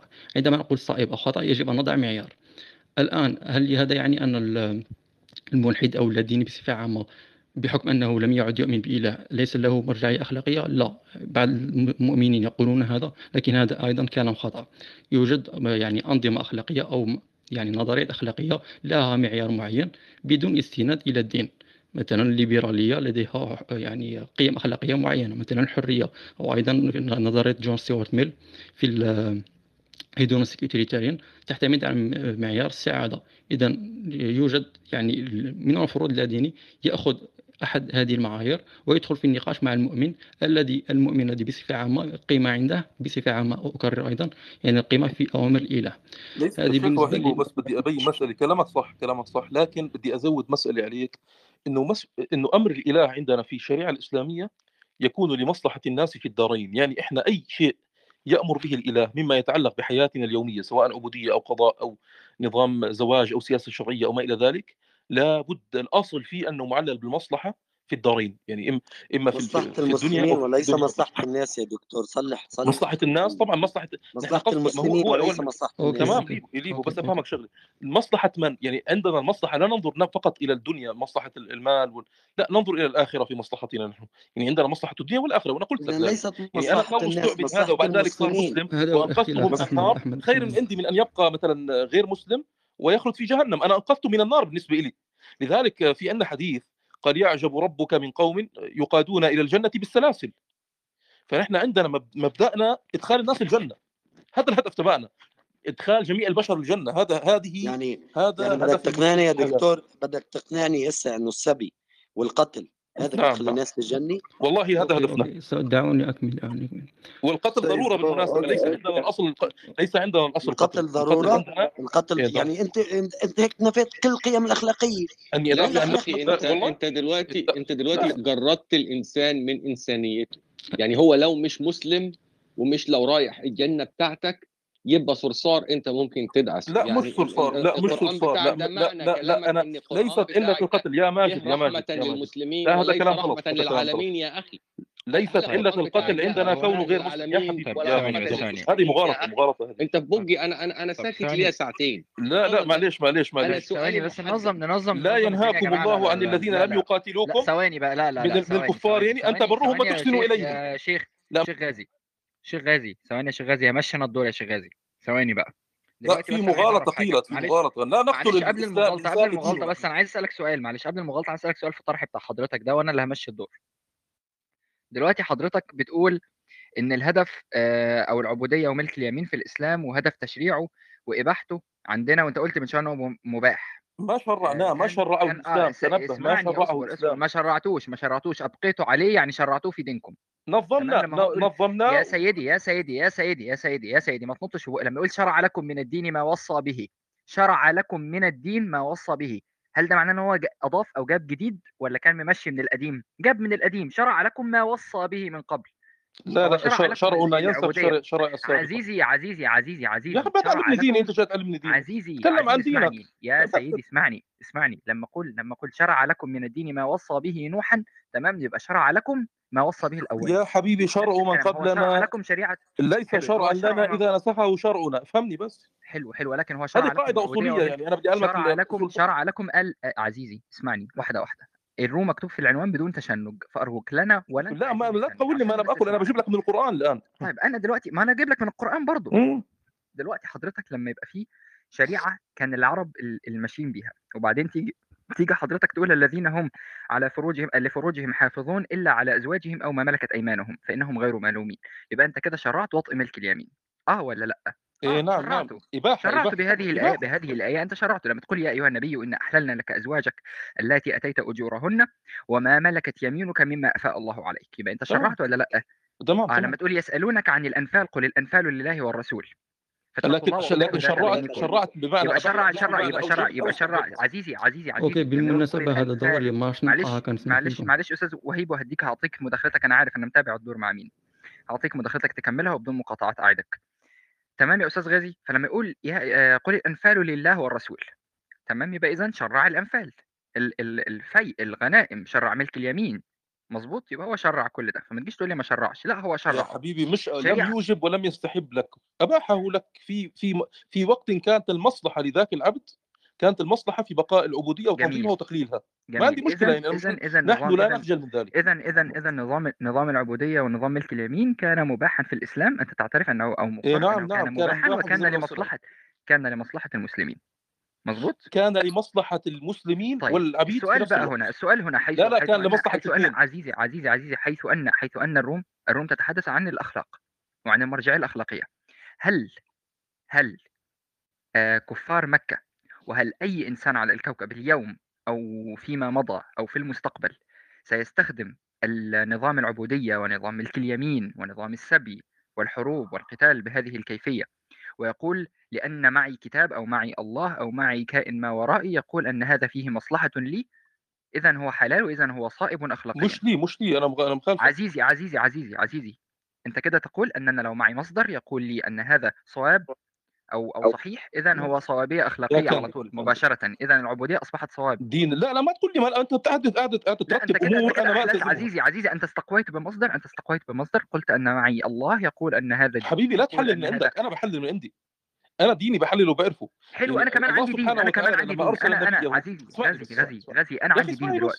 لا لا اسمعني بس. إيه أنا اسمعني بس أنا أنا قعدت أسمعك أنا خلاص الله أرسل رسوله رحمة للعالمين. الأحرار أنا أنا أتيت أنا أتيت أنا أتيت رحمة أنا أتيت رحمة للعالمين أيضا ومعي كتاب أيضا يقول لي أحللنا لك السبايا وملك اليمين والعبودية وأحللنا لك أسواق النخاسة. شرعها لي أحللها لي تمام. حلو يبقى اذا اذا أصبح الأمر أخلاقي يصبح عزيزي عزيزي إيه؟ عزيزي يصبح لو أنا بررته لنفسي يصبح الأمر مبررا فعلا؟ يصبح الأمر أخلاقي؟ نحن عندنا مرجعية إلهية في الأخلاق. عزيزي مرجعية إلهية. جميل جميل. بالضبط. مرجعية إلهية. المرجعية لو أنا ادعيت إن أنا معي مرجعية أخلاقية أقتل باسم المرجعية الأخلاقية وأسبي باسم المرجعية الأخلاقية؟ هو فرجينا مرجعيتك آخذ آخذ. يا عزيزي في عزيزي اجر في البشر. عزيزي وين؟ عزيزي عزيزي أنا أدعي أنا أدعي أن معي مرجعية إلهية تقول لي أن أقتل. وين مصلحة العبد هل هذا يجعل من قتلي مبررا؟ ما في قتل. عزيز. أنا بقتل اللي بقتلني مش بقتل اللي أنا شايفني اقتل بقتل أستعبد الناس. البشر. أنا أستعبد البشر. باسم الإله. أنا أنا, أنا البشر. أقدم كنائس في العالم موجودة في العالم الإسلامي. اسمعني بس. الأخ ليبو أنا مرة ناقشت الأخ ليبو وبناقش لك. في مصر أقدم كنيسة كنائس العالم موجودة في العالم. ونحن حميناها يا, يا أستاذ على فكرة يا أستاذ بس تعقيبا على هذا الموضوع يا كندل فعلا هسه ذكرتني تناقشته كلنا نعرف موضوع المسجد الأموي بدمشق فلا تقول لي إنه المسلمين حافظوا على التراث أقدم المسيح. كنائس في العالم أغلب المسلمين يعني حولوا الكنائس لمساجد. أقدم كنائس أغلب. في الشام موجودة ولا لا؟ موجود مسجد الأموي. المسجد الأموي كان كنيسه الأموي اشتريناه من الخوارني بفلوس ما اشتريتوش شيء يا حبيبي. لا لا ما اشتريتوش المسيحيين لما تعاونوا مع المغول يا جماعة كانوا بيقتلوا المسلمين. إيه النظام برضه؟ عايز لما طيب أوكي دكتور لحظه نقطة نظام نقطة طيب على كل حال على كل حال على كل حال همشي آه،, آه همشي لك أنا الدور ما تقلقش أه. هظبط لك أنا الدنيا. تمام؟ يا بس بدي نسمع لأنه دكتور غازي بيتكلم عن هذه آه. ودي ناخذ ندخل دكتور شريف التركي شريف يعني يعطينا هل الإسلام في مرجعيه اخلاقيه ولا ما له علاقة؟ هو هو اتضح إن اتضح إن مرجعيتهم بيستمدوها من الإله، الإله لو قال لهم إن العبودية واستعباد البشر استعباد البشر حلال وفي مصلحة ليكم بيعملوه عادي بقلب لينا وليهم لينا وليهم يا كاندل لينا وليهم. للبشر آه يعني استعبادك للبشر مفيد للبشر. نعم. آه للعبيد. ندخلهم آه، الجنة أحسن يعني ما يضل يعبد الوثن في تدخل الجنة. تدخلهم الجنة لما ما عندي مشكلة. يعني ما يعني أنت رحت عند العبيد لا وقالوا لك العبيد نحن في مصلحة لنا أنا أنا استشرت العبيد قبل يا سيدي نحن نحن طيب، غازي غازي غازي غازي غازي غازي اسمعني يا شيخ غازي إنه يكون الوسيلة يعني يا دين النبي على وعلى سنيني. شيخ غازي اسمعني. أنت دلوقتي عندك العبد الإنسان اللي هو أنت استعبدته اللي خدته أسير ده بيخش الجنة أنت بتضمن له جنة لم يقل لا إله إلا الله ولم يشهد أن محمد رسول من الله. لا ما بقدر اجبر ما بقدر اجبر الإسلام. أنا بدعو اسمعني اسمعني أنت أنت, أنت عزيزي عزيزي يا دين النبي. مش أنت بتسالني انتظر الجواب حضرتك وما بدك جواب. بتاخد حضرتك. أنت بتجاوب في حتة تانية يا أستاذ غازي. غازي أنت بتقول كلمة وتبلعها في ساعتها. أنت قلت كلمة دلوقتي قلت إحنا دلوقتي العبود آه، العبيد آسف العبيد اللي إحنا بناخدهم بيخشوا الجنة ففي مصلحة ليهم إن هم بندخلهم الجنة. يعني وسيلة وسيلة إلى إدخال الجنة تعريف يعني إيه الإسلام وسيلة؟ يعني إيه وسيلة؟ عرف لي يعني إيه وسيلة لإدخالهم الجنة لما هم عبيد لم يشهدوا أن لا إله إلا الله بيدخلوا الجنة لا هو يعني يشهد هو لو أسلم يسلم هو إحنا لو ما أسلمش لو عبد لو عبد كافر لو عبد كافر يبقى على كفره يبقى امام يبقى على كفره لكن في الآخر إيه؟ عندي فرصة إيه؟ الآن أنا أنا عندي فرصة في الآخر إيه؟ كونه عبد لا لا لا لا لا كاندل أنا هتكلم معاك في موضوع العبودية يا أخي أنت بتسألني المايك علي ما هو مش منطق كمان الحكي هذا يا كاندل. ما هو يعني يا ما غازي تسألني وبتجاوب حالك؟ تسألني وبتجاوب حالك يعني ما هو مش منطقي. غازي غازي. أنت بتسالني بتسمع جوابي. غازي أنت قلت جملة غازي أنت قلت جملة خطيرة. أنت قلت دلوقتي العبيد اللي إحنا بناخدهم دول بيبقى في وسيلة لإدخالهم الجنة. قلت لك لو فضل كافر قلت لي لو فضل كافر يبقى على الكفر. اللي يبقى على الكفر بيبقى عبد في الدنيا وبيروح النار في الآخرة. بالظبط بس أقيمت عليه الحجة. أقيمت عليه الحجة بإنك استعبدته. لا لا أقيمت عليه الحجة بإني آه، عرفته على الإسلام. طب حلو طب ما تعرفه على الاسلام وتسيبه حر بقى خلاص حسابه عند ربه. استعبدته أيوه أيوه ما هو هو أنت استعبدته يا حبيبي أنت بقى أين الفقه الابيد عندنا عندنا الأمة الأمة عندنا الأمة لو حملت صارت تسمى ام ولد وأعتقت وعندنا العبيد عندنا أصلا أغلب من يستعبد يعني يمن عليه بالعتق بشكل سريع جدا. لأنه أصلا ديننا كل الكفارات ان اعتق اعتق 10 رقاب اعتق كذا اعتق كذا اعتق كذا. عزيزي عزيزي. يا أخي هي وجهة نظرنا. أنت مش عاجبتك أنت حر. عزيزي يعني عزيزي أنا في فرق أنا مقتنع في فرق في فرق ما بين إنه إنه بيستخدمهم كنوع من أنواع الكفارات زيهم زي الصيام واطعام المسكين بالظبط تمام؟ وفي فرق ما بين إن أنت عندك بتستعبد بشر. ده مش هينفي ده. أيوه أيوه. ما أنا ما أنا ما خالفتك إنه في استعباد. أنا قلت لك إنه ما طيب، في استعباد. يبقى اذا الصح الصح إن إحنا ما نستعبدش بشر. مش لا الصح عندك. الصح عندك مش عندي. لا لا مش عندك مش عندي. أنا عندك البشر كلهم دلوقتي يا غازي أنت مختلف في ده؟ الآن الآن موضوع آخر. شايف؟ الآن في أعراف وقبل الان بص يا غازي غازي غازي أنا قلت لك مثال من مجتمع عاش قبل النبي باكثر من من 2000 يمكن سنة للمباح أن يقيد إذا ما كان في له مصلحة. الآن مثلا أنا دلوقتي غازي أنت بتقول الآن. أنت حجيت ردك عليا ردك عليا بس نقطة. يا كندل بس لحظه الموضوع. عشان هو الدور. سامر؟ صوتك عم بيقطع صوتك بيقطع يا سامر صوتك بيقطع يا سامر. سامر صوتك مش مسموع يا سامر. سامر سامر سامر سامر صوتك يا سامر. هيوصلوا متأخر للأسف يا كندل. طب كمل يا كندل. خلينا نمشي الدور آه خلينا نمشي الدور بس دلوقتي. بس كندل نقطة صغيرة. أنا اللي أثرت موضوع العبودية. هي الفكرة الفكرة من الموضوع. إنه البشر قدرت تتوصل لنظام أفضل ومفيد للبشرية أفضل من الإله. يعني الإله ما كان بيعرف إنه العبودية سيئة. إجوا البشر قالوا إنه لا العبودية أمر سيء.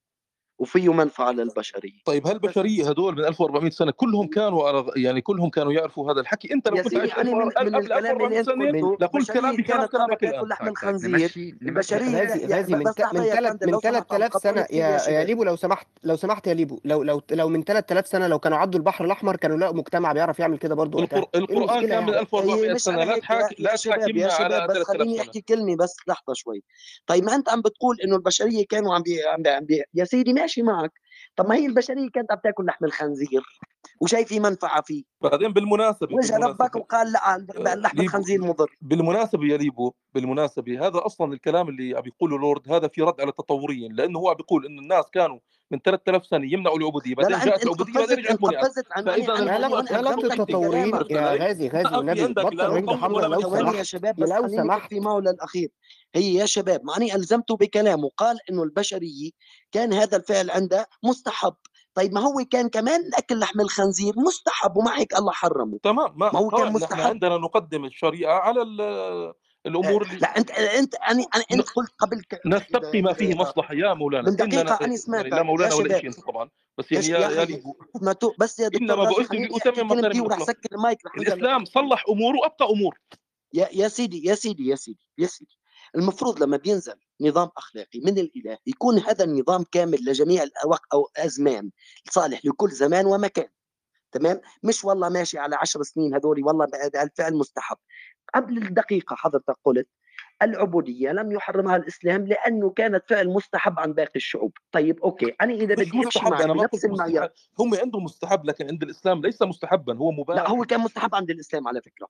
بس بنفس الوقت دليلك إنه هذا دليلك هسه رح أقول لك دليلي. وقبل شوية ماني حط لك موضوع سبعية وطاس وغيره وغيراته من لا لا لا الاستحباب الفعل لا يدل على الاستحباب يا حبيبي بالسياسة الشرعية هو قال مش مستحب لكن إذا ماذا فعله النبي؟ إمم، يعني الله, الله سبحانه وتعالى بالقرآن بس اعطيك هالفكرة الله بالقرآن يعني النبي لا أمر برباط الخيل اسمعني بس اسمعني بس. القرآن الكريم أمر برباط الخيل تمام؟ وهذه كانت وسيلة في زمانهم موجودة الآن. ما في انضرابات خلال لإرهاب العدو الان هنا ما في مقياس يا غازي يا غازي هنا ما في مقياس. أنت جالس تربط رباط الخيل مقياس بالعبودية. خلينا نسمع من تركي الشريف لأنه قراني وعنده وجهة نظر مختلفة. نسمع وجهة نظر مختلفة. أهلا وسهلا. بس كان لكفتي كلمتي وراح سكر المي هي الفكرة إنه هو قال قبل دقيقة وكلنا سمعناه الفعل كان موجود عند الشعوب السابقة. طيب أوكي الشعوب السابقة كانوا عندهم فعل أكل لحم الخنزير مستحب. فاجى الإله ومنع الأكل لحم الخنزير وقال لا هذا أمر مش مستحب مع إنه كان محلله. عند المسيحيين. تمام؟ فبتيجي بتقول لي إنه المسلمين حرموا يعني لحم الخنزير وما حرموا الاستعداد المفروض أولى. الأولى يا دكتور غازي أنت بتقاطعني كثير. الأولى ما أنا قلت لك الموضوع على المصلحة الموضوع سياسة الشرعيه بالمصلحة يعني. نحن نرى أن الاستعباد ما في مصلحة من الخنزير وهذا إعجاز قرآني بالمناسبة أنا كلا ديني أرى انه في مصلحة في الاستعباد في ذاك الزمان كانت لإدخال الناس الجنه يا دكتور غازي خليني أكفي الكلمة لو سمحت. أنا أرى كلا ديني إنه الاستعباد أمر لا أخلاقي سواء قام به أشوريين أو مسيحيين أو يهود أو مصريين أو هندوس يبقى فعل الاستعباد أمر لا أخلاقي وقد مارسه المسلمين. والإله لم يحرم إيش لا أخلاقي والمفروض إنه يحرم. نقطة انتهى مرجعية الأخلاقية افضل من مرجعية. طيب، خلاص خلاص من نقطة نظام الخلايا اللي بعقلك أوكي غازي طيب. غازي بس نقطة نظام. كندل لحظة ثواني ثواني بس كندل. أنا شريف موجود بس أنا بدي أفهم ليس آه، آه، لديه مرجعية أخلاقية لا يجوز له أن يحرم ما عنده مرجعية يعني أنا عندي مرجعية افضل من آه، مرجعيتك الأخلاقية على فكرة يا دكتور. ما في مرجعية أخلاقية مرجعيتي الأخلاقية افضل من مرجعيتك ليبو ليبو ليبو ليبو ليبو. ما بدي اياكم تتخانقوا أنا عملت لكم اثنين عشان يكون في عادل. آه كندل تفضل. رشيد آه عندك يا كندل تسمعني؟ آه أيوه شريف تفضل. مساء الخير جميعا. آه، أهلا وسهلا. الأخ غازي والأخوان آه، حميد وماني. ما ما, ما ح... جميعا. ما ما لأني حنسى ال- الموجودين حتى الأودينس.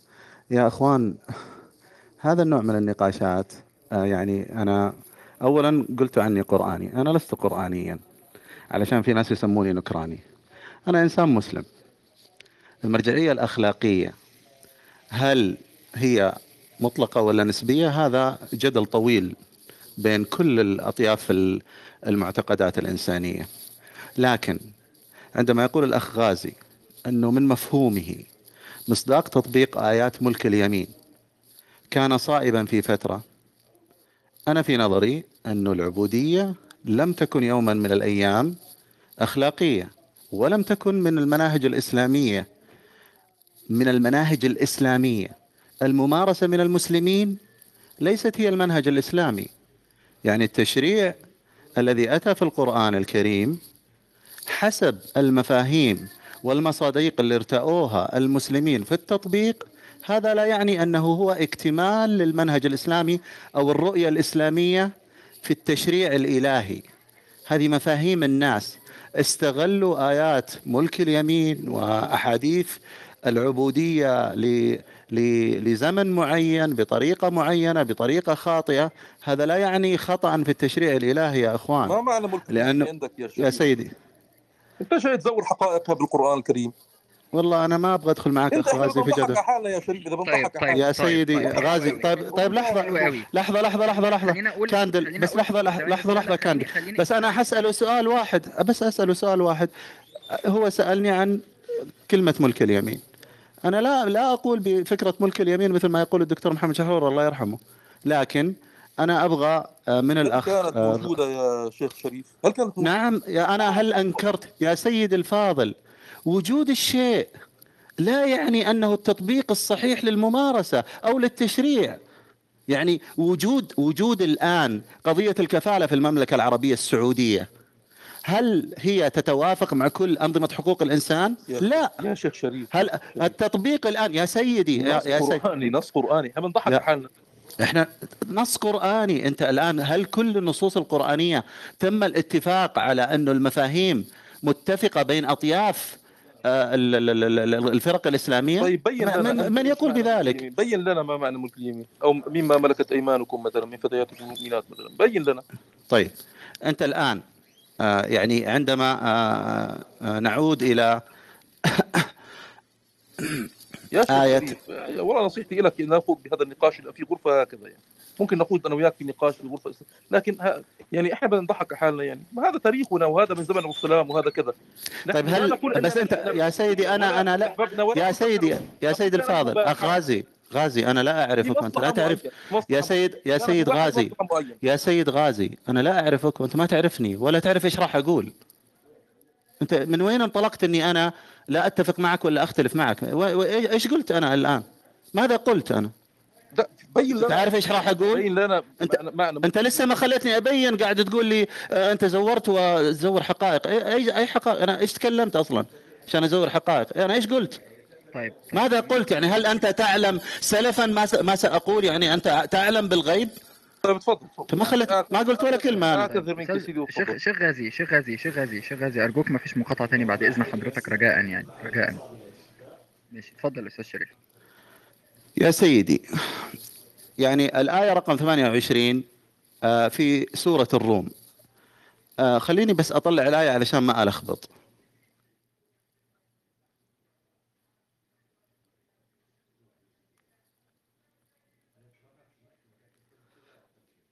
الحاصل أن الآية تتكلم هل لكم مما ملكت؟ هل لكم مما ملكت أيمانكم من شركاء فيما رزقناكم؟ فأنتم فيه سواء.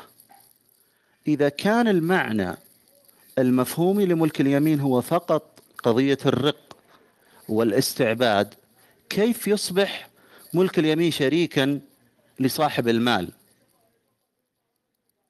يعني هذه آية في سورة الروم. الآية رقم 28 آه، شريف أنا فسرت أمثال القرآن الكريم في جامعة. الأكثر من 40 مثل. أنت هذا الذي ذكرته هذا مثل في القرآن الكريم يقول لل... لل... هذه آية مش مثل. ما- مثل مثل. هي آية ومثل. هي آية ومثل من أمثال طيب. القرآن الكريم. نعم. تمام؟ الله سبحانه وتعالى يضرب يضرب مثال لهؤلاء المشركين. إنه أحدكم لا يرضى لنفسه أن يكون عبده أن يكون عبده شريكه في ماله. فكيف يرضى أن يكون هذه الأوثان التي هي معبودة ومملوكة لله شركاء لله في الإلهية؟ هذا مثل عقلي لبيان تناقضاتهم. يا سيدي هذا يتكلم عن الرزق. اي نعم نعم لكن اقرأ اقرأ. هل لكم هذا هذا يا أخي هذا مثل مثل يعني. حط اسمي على شو اسمه حط المثل هذا في الجوجل بيطلع لك. عموما أنت تعتقد أنه ملك اليمين حسب كل ال- ال- ال- النصوص التي وردت في القرآن معناه الرق. لا مش م... أنا ما أنا ما ادعي ذلك لكن هل الرق كان موجود ولا لا؟ بص- بصرف النظر أنت. يا أخي ما حد قال لك ما كان موجود. هل هو هل هو ممارسة هل هو ممارسة خاطئة؟ هل هل الله سبحانه وتعالى؟ ما تقوليش ممارسة خاطئة أم محمد عليه الصلاة والسلام. نعم. هل محمد فعله نقطة لا. نعم أو لا؟ لا. لا. إيش إثباتك انه محمد فعله؟ إثباتي ما تواتر وموجود والله أحله اباحه له. وهو متواتر. وقد استعبد الناس التواتر يا سيدي ينزل يا يا حبيبي الله يرضى عليك هم هم اللي استعبدوا طيب. هم استودعوا في في وجود النبي عليه وسلم واستعبدوا الله عليه ميت ما هو الغزوات هذه التي حصلت في وجود النبي عليه وسلم يعني يعني يعني هل استعبد اليهود بعد غزوة الأحزاب وخيبر؟ يا حبيبي بدي أفهمك شغلة هل استعبدوا؟ بس إيه، يعني نعم. نعم است- استعبد بعض اليهود. استعبد آه، جميل يعني است... صفي- بس لحظة لحظة. أم المؤمنين صفية. يا سيد أم طيب أنا- صفية يا بن يا. سيدي طيب الآن استعبدوا بس لحظة استعبدوا.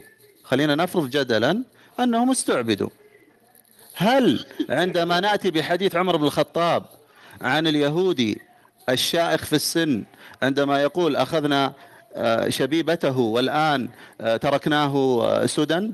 أنه كان عايش في المدينة وهو ليس عبدا؟ يا شريف نحن مش عم نقول إنه كل مسيحي أو يهودي يستعبد افهمني. لكن لا حول هذا الاستعباد موجود؟ أنت لا تلازم بين الاثنين. من قال لك إنه نحن نقول بعدم وجود الاستعباد قبل الإسلام وفي فترة الإسلام. سبب الاستعباد الحروب. مش سبب الاستعباد كون فلان مسيحي أو يهودي. يا سيدي يا سيدي كيف الحروب؟ وال والآية تقول إما منا بعد أو فداء. وإما أنت ما عندك إما منا بعد أو فداء. وإما فداء. إما منا بعد إيش؟ وإما فداء أو فداء. تضع الحرب واوزارها نعم. أو فداء. لا. الاو حرف العطف يعني الخيار الآخر. طب ثواني بس ما فيش إما أو منا أصلاً. بعد وإما منا فداء. بعد وإما فداء. يا أخي أنت جميل. قران جديد. خلص جميل. ما بدي ألف لك قرآن جديد. يعني عندك الخيار الآخر إما أن تمن عليه أو أن تفديه بمال. هو هو هو كان أسير ولا لا؟ أو أو يعني. أسير مش عبد. تمام بقى في آيات أخرى. أنت بدك تختار الآيات اللي بدك إياها. يا سيد الفاضل إذا كان أنت تقول السبب الأساسي في الاستعباد هو الحروب وفي الحرب وفي آية الحرب أنت تعرف هذه الآية فيما نزلت؟ في أي معركة؟ يعني هذه الآية خلاص نوقف حكمها أنت تعرف توقيف. معركه نزلت؟ لا والله ما أعرف. ما أعرف مو مهم. هذه نزلت أنا أقرأ هذه- القرآن. هذه نزلت هذه نزلت في غزوة بدر تمام؟ طيب. بدي أفهمك شغله ال- كونك كون هذا القرآن في هذا الموضع لم يذكر هذا الأمر لا يعني إنه غير موجود في مواضع كثيرة في القرآن وهذا لا ينكره منكر. يا رجل القرآن ينزل على محمد ليشرع أمور في حياة الناس. أنت تنكر شيء بدهي يعني تذكر شيء يعني واضح للجميع إنه كان في استعباد في زمن النبي صلى الله عليه وسلم. ما نستطيع ننكر هذا الأمر مشان نجمل صورتنا للمخالفين. نحن لا نخجل بديننا يا حبيبي يا شريف. يا سيدي هي القضية ليس- ليست قضية خجل. هي القضية هل بعد تشريعات محمد استمر هذا الرق ولا أن محمدا أتى ليحارب الرق؟ وأنت تقول أن محمدا مارسه بالفم المليء وأنت تستجلب نصوصا من رفوف السنة التي تدعي أنها متواترة. وهي ظنية وهي ظنية. في القرآن أنه محمد استعبد أحد؟ ومما ملكت أيمانكم لما يبيح لك. أنت مما ملكت ايمان هذا يا سيدي. ملك يمين؟ يا ملك اليمين ملك اليمين اللي تتكلم عنها دائما تأتي بعد آيات الزواج وتكون خيار في للزواج. مجال التسرية في مجال التسرية إيش هي؟ اللي الآيات اللي فيها أو مما ملكت أيمانكم من فتياتكم المؤمنات؟ ممكن تفسر لي إياها؟ ومن لم يعني يستطع قولا أن ينكح المحصنات المؤمنات؟ فمما ملكت أيمانكم من فتياتكم المؤمنات؟ اي نعم. مم؟ فكاتبوهم فكاتبوهم ملك ملك ملك يمين. ملك يمين ليست رقيق طب اشترك اشترك معاكم في الموضوع. طيب فكاتبوهم ان علمتم فيهم خيرا. سورة النور أو سورة النساء نفس التشريع بالحرف. عشرات الآيات عشرات الآيات. عزيزي أنا مسافر عزيزي شريف عزيزي جيد مكاتبة عزيزي عزيزي عزيزي عزيزي. أنا عايز بس أعرف وجهة نظركم. المكاتبة تصح مع العبد يا سيد غازي. ما هي لا لا لا لا. هي الم- الم- المكاتبة المكاتبة لا اسمعني اسمعني اسمعني. معنى المكاتبة معنى مكاتبة ملك اليمين أن تستأذن سيدها تذهب إلى سيدها وتقول أريد أن أكاتب ملك يمين بدل أن تتزوج من من امرأة محصنة حرة تتزوج من ملك يمين تستأذنها من أهلها. صحيح. يقول ف- فاستأذنوهن بإذن أهل آه، ف- فكاتبوهن إن علمتم فيهم خيرا. آه، على حسب أنت بتقرأ من أي آية لا ملاش النساء. علاقة في ال- في لا لا لا لا فانكحوهن الزوجي بإذن لا حبيبي المكاتبة حكم آخر اسمعني بس اسمعني غير مكاتبة العبد. مكاتبة العبد دي مش موجودة في القرآن مكاتبة العبد موجودة في الفقه بس. مكاتبة العبد موجودة في الفقه بس مش موجودة في القرآن. القرآن لم ينص على فكرة العبودية اللي في آية واحدة في آية عبدا مملوكا لا يقدر على شيء. كان ضربا كان كان ضربا مثال كان على سبيل ضرب المثال. تمام؟ كان يضرب مثال كعبد مملوك لا يقدر على مش آه، وهو كل على مولاه. طب خلينا بس نرجع لمسألة مكاتبة ملك اليمين عشان بس ما الدنيا ما تبصش فيها. مكاتبة ملك اليمين معناها إن أنت تروح لسيد ملك اليمين دي هذه تمام؟ وتقول له إن أنا مش قادر أتجوز امرأة حرة محصنة فأنا عايز أكاتب على خيار آخر من خيارات شوية بس بس اقرأ لي مش عارف المكاتبة في إيه. مجال تقرأ لي اوسط في مجال تقرأ لي الفكرة بقى في إيه؟ الفكرة في إيه؟ الفكرة إن السيد اللي عنده ملك يمين ده اسمعني بس اسمعني. عزيزي عزيزي ثواني عزيزي. أشرح لك المكاتبة بس إيش هي؟ المكاتبة يا حبيبي العبد ال- ال- المكاتب طيب حلو حلو يأتي ثواني. ثواني سيده يقول له إذا بدك تتحرر قبل ما تكمل 100 شجرة قبل ما يكتب تكمل ذلك. كلام عن العبد اقفل ثواني ثواني بقى قبل ما تكمل كلام عن العبد المكاتب هاتالي من القرآن. حكم فقهي. هاتولي من القرآن إن في مكاتبة للعبد. هاتالي من القرآن.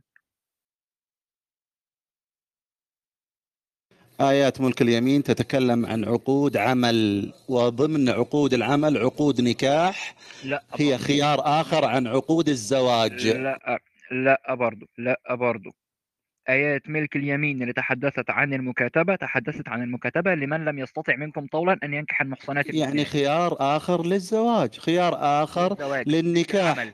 في بعضها للعمل. للعمل يا سيدي والأخرى لي للزواج.